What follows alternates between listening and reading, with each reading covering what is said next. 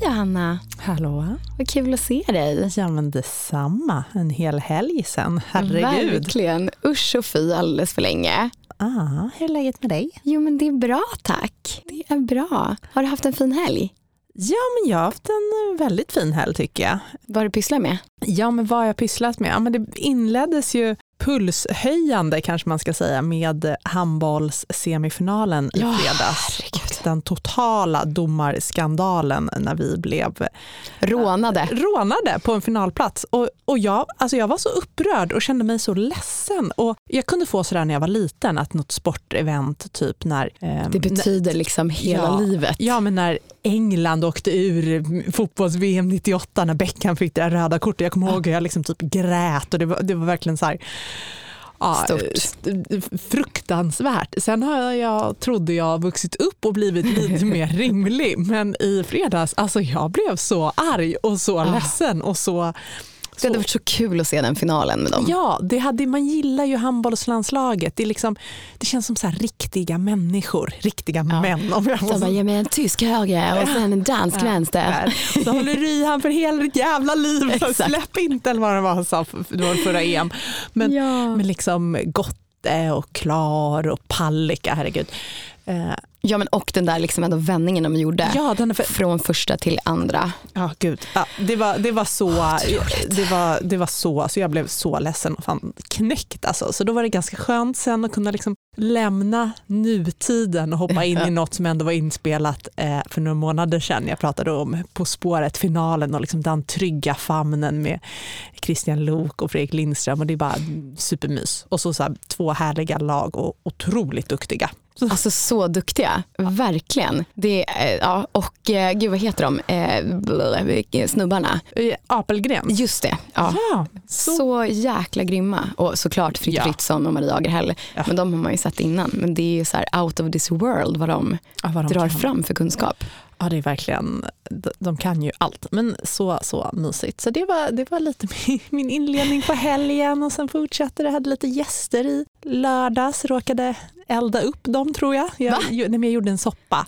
För det var så här, en var glutenallergiker, en var det. Ja, du vet, så här. Jag bara, Ah. ah, jag gör en, en räksoppa som jag har, eh, som är lite så här het med chili och ingefära och lite olika Mm, det är fräscht. Ja, men du vet när man handlar chili i affären, man har ingen riktig aning om Det är den- lite limbo Ja. på den här Scoville-skalan. Ja, ja, ja, precis. Så jag bara brassade i och det blev så starkt. Det blev så starkt. Men jag tänker att det är nyttigt så här i förkylningstider. Och bara, Verkligen, bränna igenom. alla satt och så baddade pannan liksom när de åt. Bara svetten.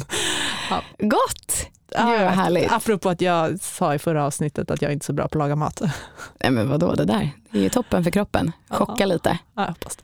Va, nog om mig, herregud. Nej men vadå? Jag har, får aldrig nog. Ja.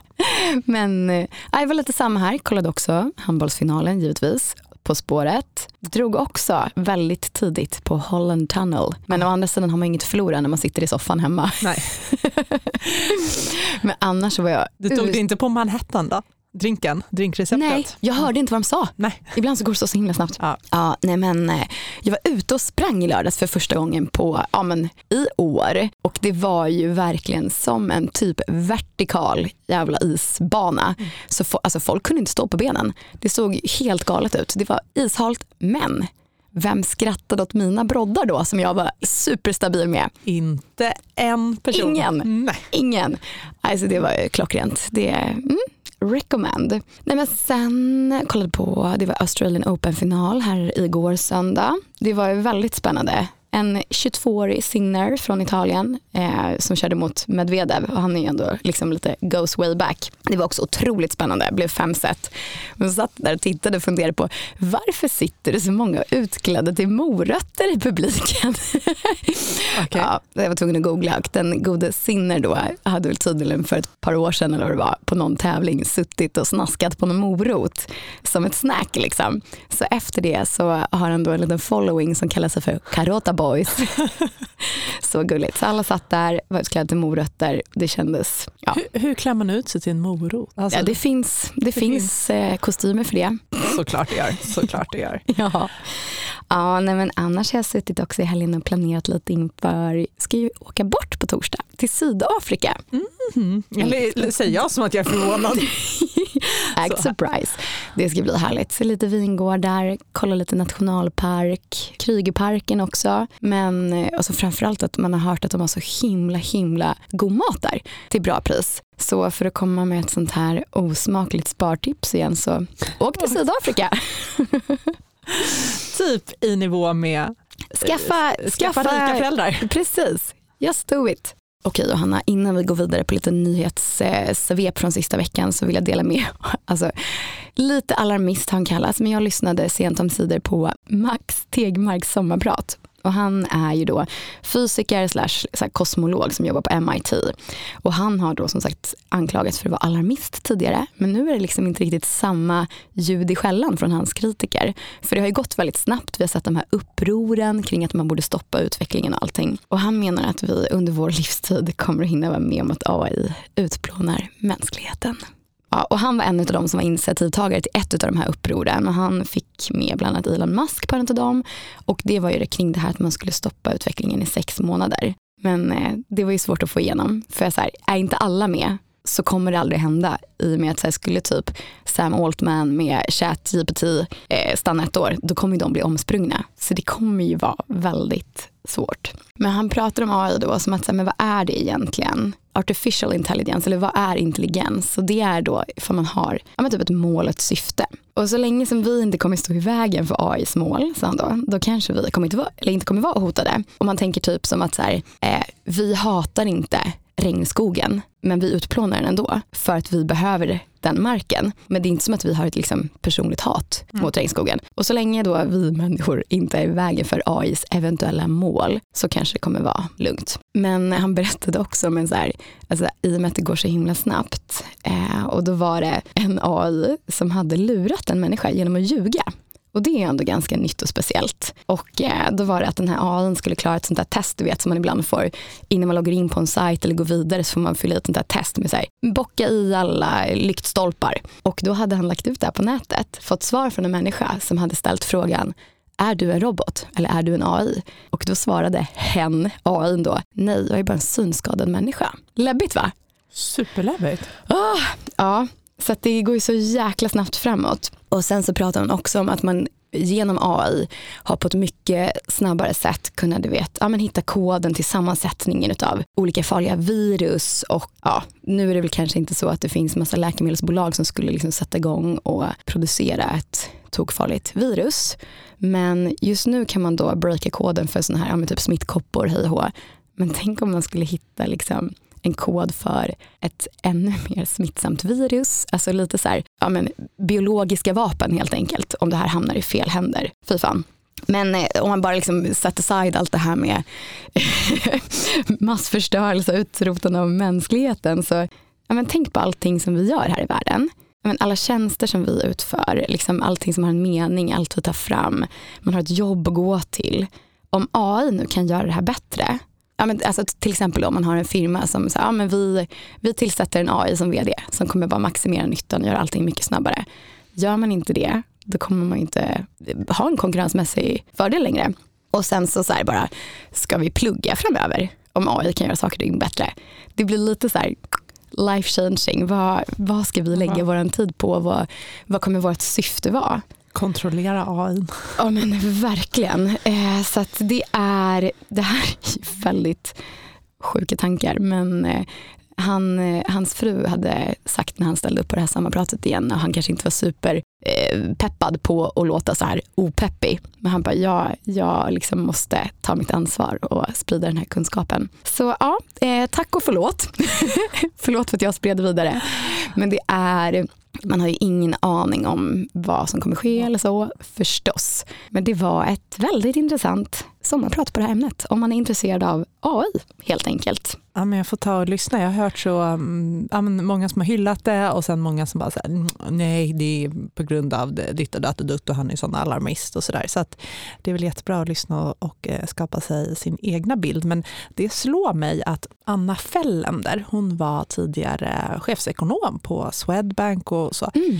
Hon hoppade av sitt toppjobb som tidningarna beskriver det och um, ja, blev någonting, det var på, i sam, ja, samarbete med KTH eller något annat universitet och började arbeta med just eh, vad hon kallar ethical AI och har ah. tagit fram någon, någon tjänst för liksom hur man som bolag ska kunna men, här, läsa av och screena av var har vi AI i vår verksamhet. Liksom. På ett och, ansvarsfullt sätt. Ja, och då. hur säkerställer vi att det här är ja, men, ansvarsfullt och att vi, att vi inte, till exempel om man tar en bank till exempel, att vi inte baserat på vem det är som loggar in, om det är en kvinna eller man och vilken ålder, att vi, att vi liksom nudgar, eller våra AI-algoritmer om man skulle ha det. Nu mm. sitter jag och pratar i vår form, men jag menar snarare, vilken bank som helst, att man börjar ge konstiga råd baserat på helt irrelevanta saker och att man helt plötsligt har förstärkt vissa kanske könsskillnader i sparande och så vidare. Och så vidare. Du är en 25-årig man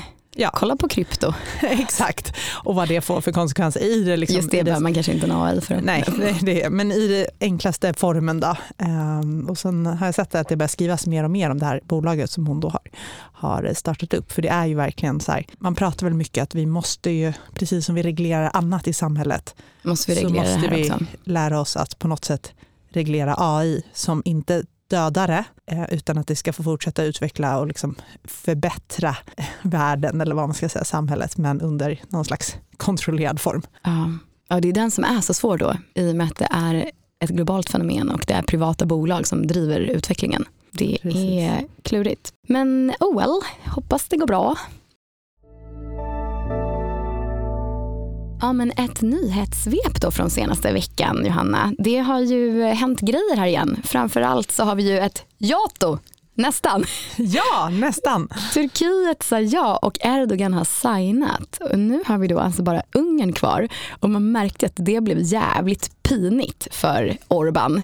För han hade ju sagt tidigare att här, vi kommer inte vara sist. Men nu hade ju han räckt ut handen och bara, ja ah, Kristersson, du är välkommen hit för ett samtal där vi kan liksom, eh, diskutera det här. Och Sverige var bara så här, ursäkta det finns inget att diskutera. Ni ska inte få komma med några krav så här sent om sidor. Snacka om att det liksom has ett leverage. Men å andra sidan har ju vi det tillbaka också, för de vill ju in i EU.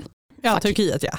Ja, just det. Vi, vi har ett leverage tillbaka för de eh, leasar Gripen-plan av oss. Så bra. Ja, men eh, det, vi får väl se hur snabbt det där går. Då. Känns ju bara generellt lite så medium och joina en allians med parter som beter sig på det här sättet. Lite sandlåda. Ja, men du, annars är det här supervalåret högst igång och igår så röstade Finland i den första omgången i presidentvalet. Favotippad är den finlandssvenska Alexander Stubb för Samlingspartiet. Ja. Ja, det är faktiskt min, min kompis på Twitter. Är det nej, sant? Nej, nej, nej. nej. Eh, men det var någon gång, jag tror att det var i eh, början eller första året av kriget i Ukraina, Rysslands vedervärdiga krig, så var han med mycket i aktu på Aktuellt som mm. så omvärldsanalys, ja, Rysslandskännare och omvärldsanalytiker och sådär som expert. Och då vet jag att jag satt och kollade på Aktuellt och eh, så sa han massa kloka saker där. Och då twittrade jag sen, så här, jag bara, kan inte bara Alexander Stubb bli vår nya utrikesminister? Ja, det här var precis då när uh, Ulf Kristersson, ja. innan han hade tillsatt sin regering, när han var i regeringsbildning, när han skulle tillsätta ja. sin regering. Jag bara, kan inte bara han bli vår nya utrikesminister? Då svarade Alexander Stubb, Va? han bara, fråga Ulf. och han blev... fick inte frågan? Uppenbarligen inte. Kanske taggad på att bli president istället. ja, precis. Men då blev, då blev jag lite starstruck och så var det en eh, kille på Nordnet, eh, Axel Karlsson, då svarade han också så han bara, kommer aldrig glömma när Alexander först anlände, anlände till en presskonferens, svarade på fyra olika språk helt perfekt. Ja men alltså, um, ja. okej, okay. ja, amazeballs, cool person. Ja men då följer vi det där, det blir spännande att se. Nej, men du Johanna, sen så såg jag en undersökning som Mäklarsamfundet har gjort. De har räknat på hur mycket man måste tjäna för att köpa en bostad i olika delar av Sverige. Det här var inte så jävla uppmuntrande läsning. Så här, Bara tre av tio har råd att köpa en etta i Stockholm. Om man nu tänker på genomsnittliga löner och sådär. 37 000 i månaden behöver man tjäna för Storstockholm och 44 000 för Stockholm centrum. Och då har man räknat på ett singelhushåll utan bil i den här bolånekalkylen. I Göteborg så är det 38 000 och i Malmö 27 000. Och det här är då baserat på eh, helt enkelt att man du vet, ska klara sina utgifter, du vet en bolånekalkyl. Ja. Och så gissningsvis att man har då 15 procent i kontantinsats, minimi, minimibeloppet. Exakt. Det, ja. Men i och med att man behöver så att säga ha lite mer att röra sig med framöver så har det här verkligen gått upp i att man måste ha ett jävla cashflow för att kunna betala sina räntor och amorteringar. Ja, och du så här då, för de som vill bo ännu större, en trea, då ser det ju inte mindre svettigt ut direkt. Då har de räknat på ett sambohushåll inklusive bil. Och i Storstockholm, 76 000 i månaden behöver man i lön.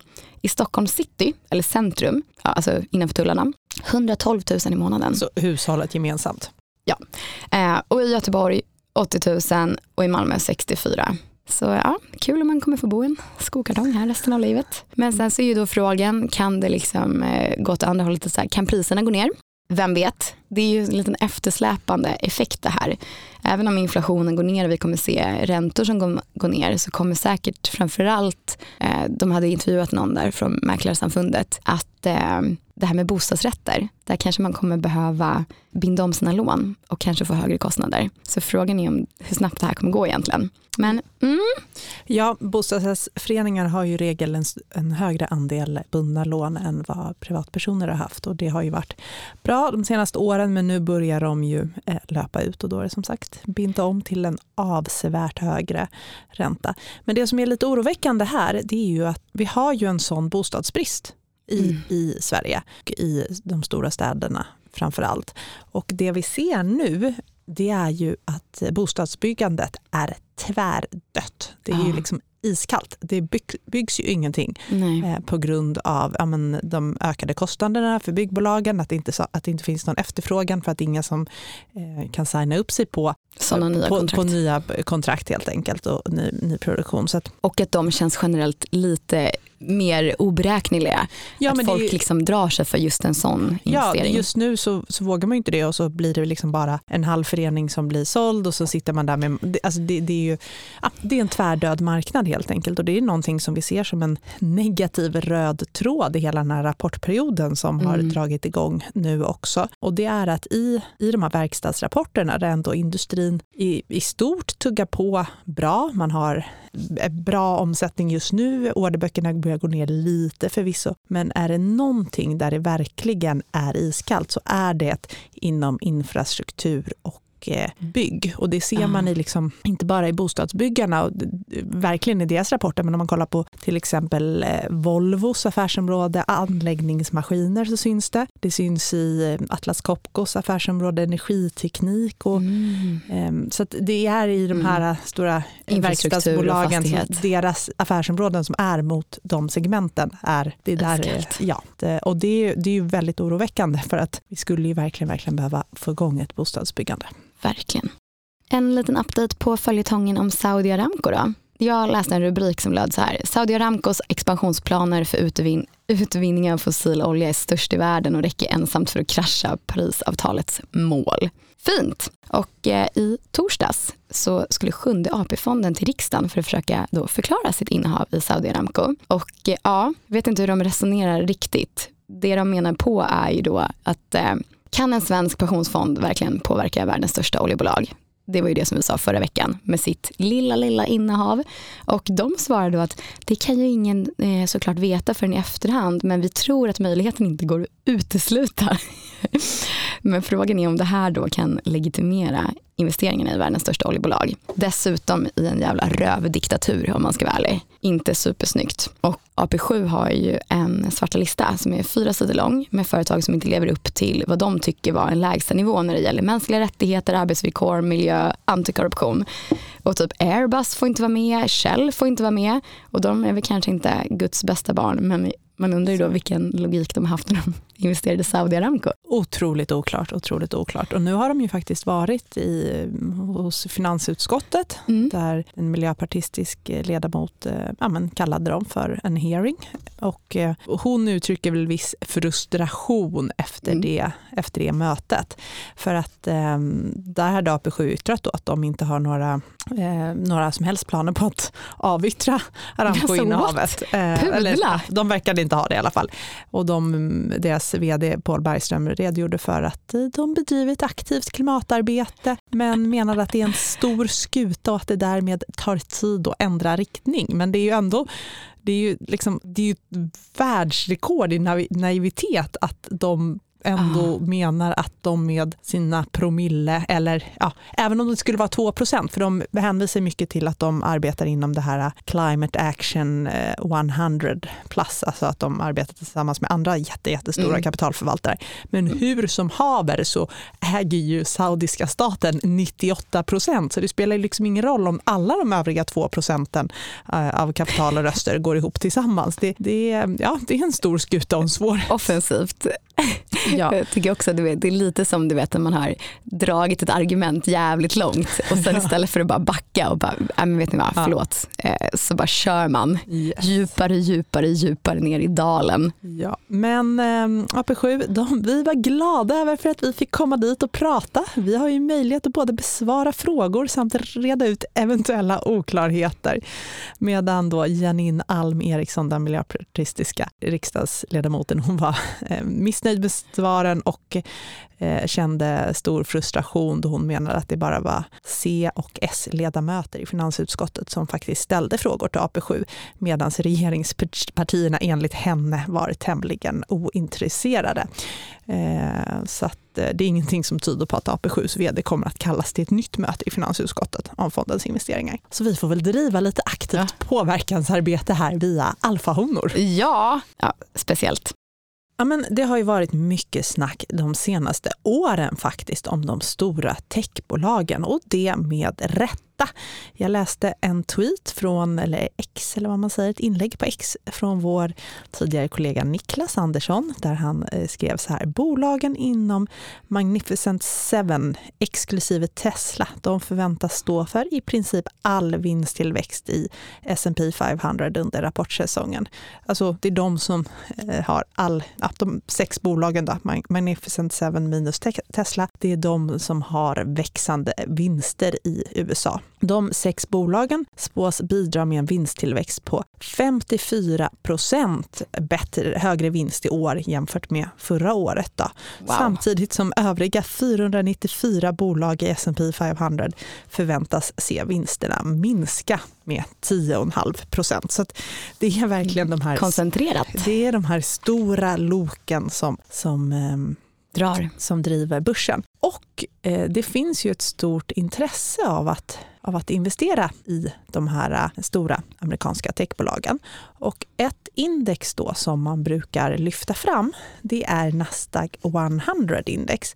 Det är liksom vad ska man säga, världens viktigaste teknik och tillväxtbolagsindex och eh, som är, brukar vara väldigt, väldigt populärt för investerare som vill ha en exponering mot just de här stora techbolagen.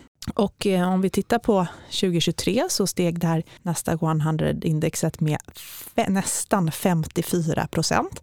Det var den största uppgången under ett enskilt år sedan it-bubblan. Och, och, generellt så kan man säga att investerare i det här indexet har haft en, en fantastisk utveckling. Sedan 1985 har indexet bara slutat på minus under sju år.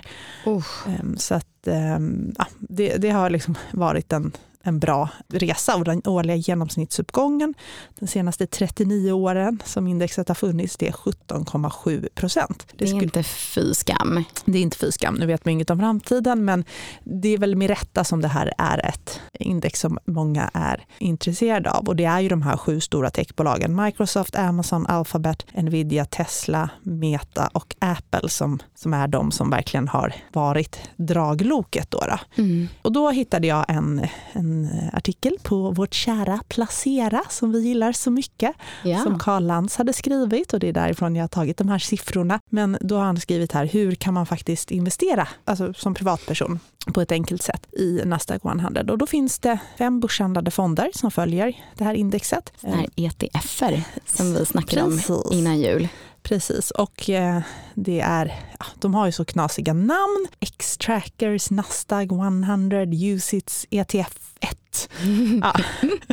Intuitivt. Eh, Lyxor, Nasdaq 100, Usits, ETF. Men, men eh, man kan väl typ skriva Nasdaq 100, men ibland ska det vara ett streck 100. Ja, Hittar man det namnet så är man kanske rätt ute i alla fall. ja precis. Nasdaq men det 100. enklaste kanske är bara att gå in och läsa artikeln på Placera. Ja.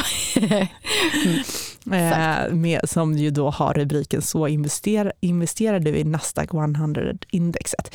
Men han har i alla fall plockat fram fem börshandlade fonder och, som, som följer det här och lägst förvaltningsavgift då har den här X-Tracker Nasdaq 100 som bara kostar 0,21 procent och sen så följer det ja, nästa är 0,22 och 0,23 så Då är, ska man bara en liten eh, brasklapp i att när man handlar ETFer så betalar man courtage också. ja precis. Växlingsval växlings, valutaväxlingsavgift också. Ja, men det gör man ju på alla de här Ja. tre så att säga. Men, eller alla de här fem. Men eh, det var ganska intressant om man då känner att man vill ha på ett enkelt sätt få exponering mot Magnificent Seven.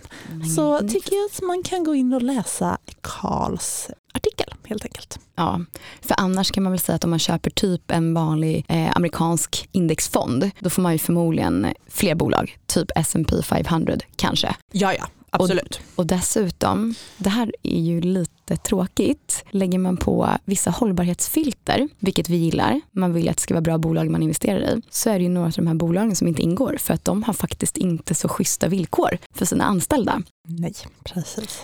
Så mm, den lilla Mm. analysen får man göra, Mycket att tänka på. verkligen.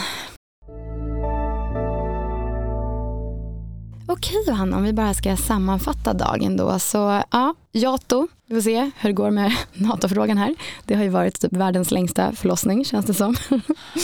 Eh, det kommer, man kommer behöva en jävla hög inkomst för att kunna ha rätt cashflow för att investera i en hygglig lya här framöver i Mm. storstäderna. Men man kan ju alltid åka till Sydafrika så kan man äta billigt i alla fall. Exakt. Ja, AI hörni. Läskigt. Men det är ett faktum att det är här. Man får hålla sig lite ajour, sen så får man väl bara försöka att ja, reda lite tankarna och i vanlig ordning vara lite källkritisk. Ja, Saudi Aramco, se vad som händer med det och AP7. Ja. Pudla säger vi. Det säger vi. Alfa kommer, kommer säga det här varje Stå- avsnitt. Nej, men stående inslag, en liten smäll mot AP7 tills, tills de har insett barrikaden. det orimliga i att de skulle på något sätt kunna påverka saudiska staten. Exakt.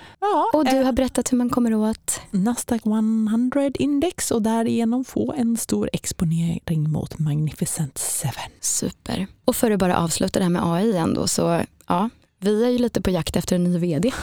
Ja. Kanske ska bli det första eh, fin, fintechbolaget, håller på att säga, nu är vi större än det. Första största banken som har en AI-vd. Vem vet? Jag är, jag är öppensinnad. Vi får se vad Finansinspektionen säger i ledningsprövningen. Just det.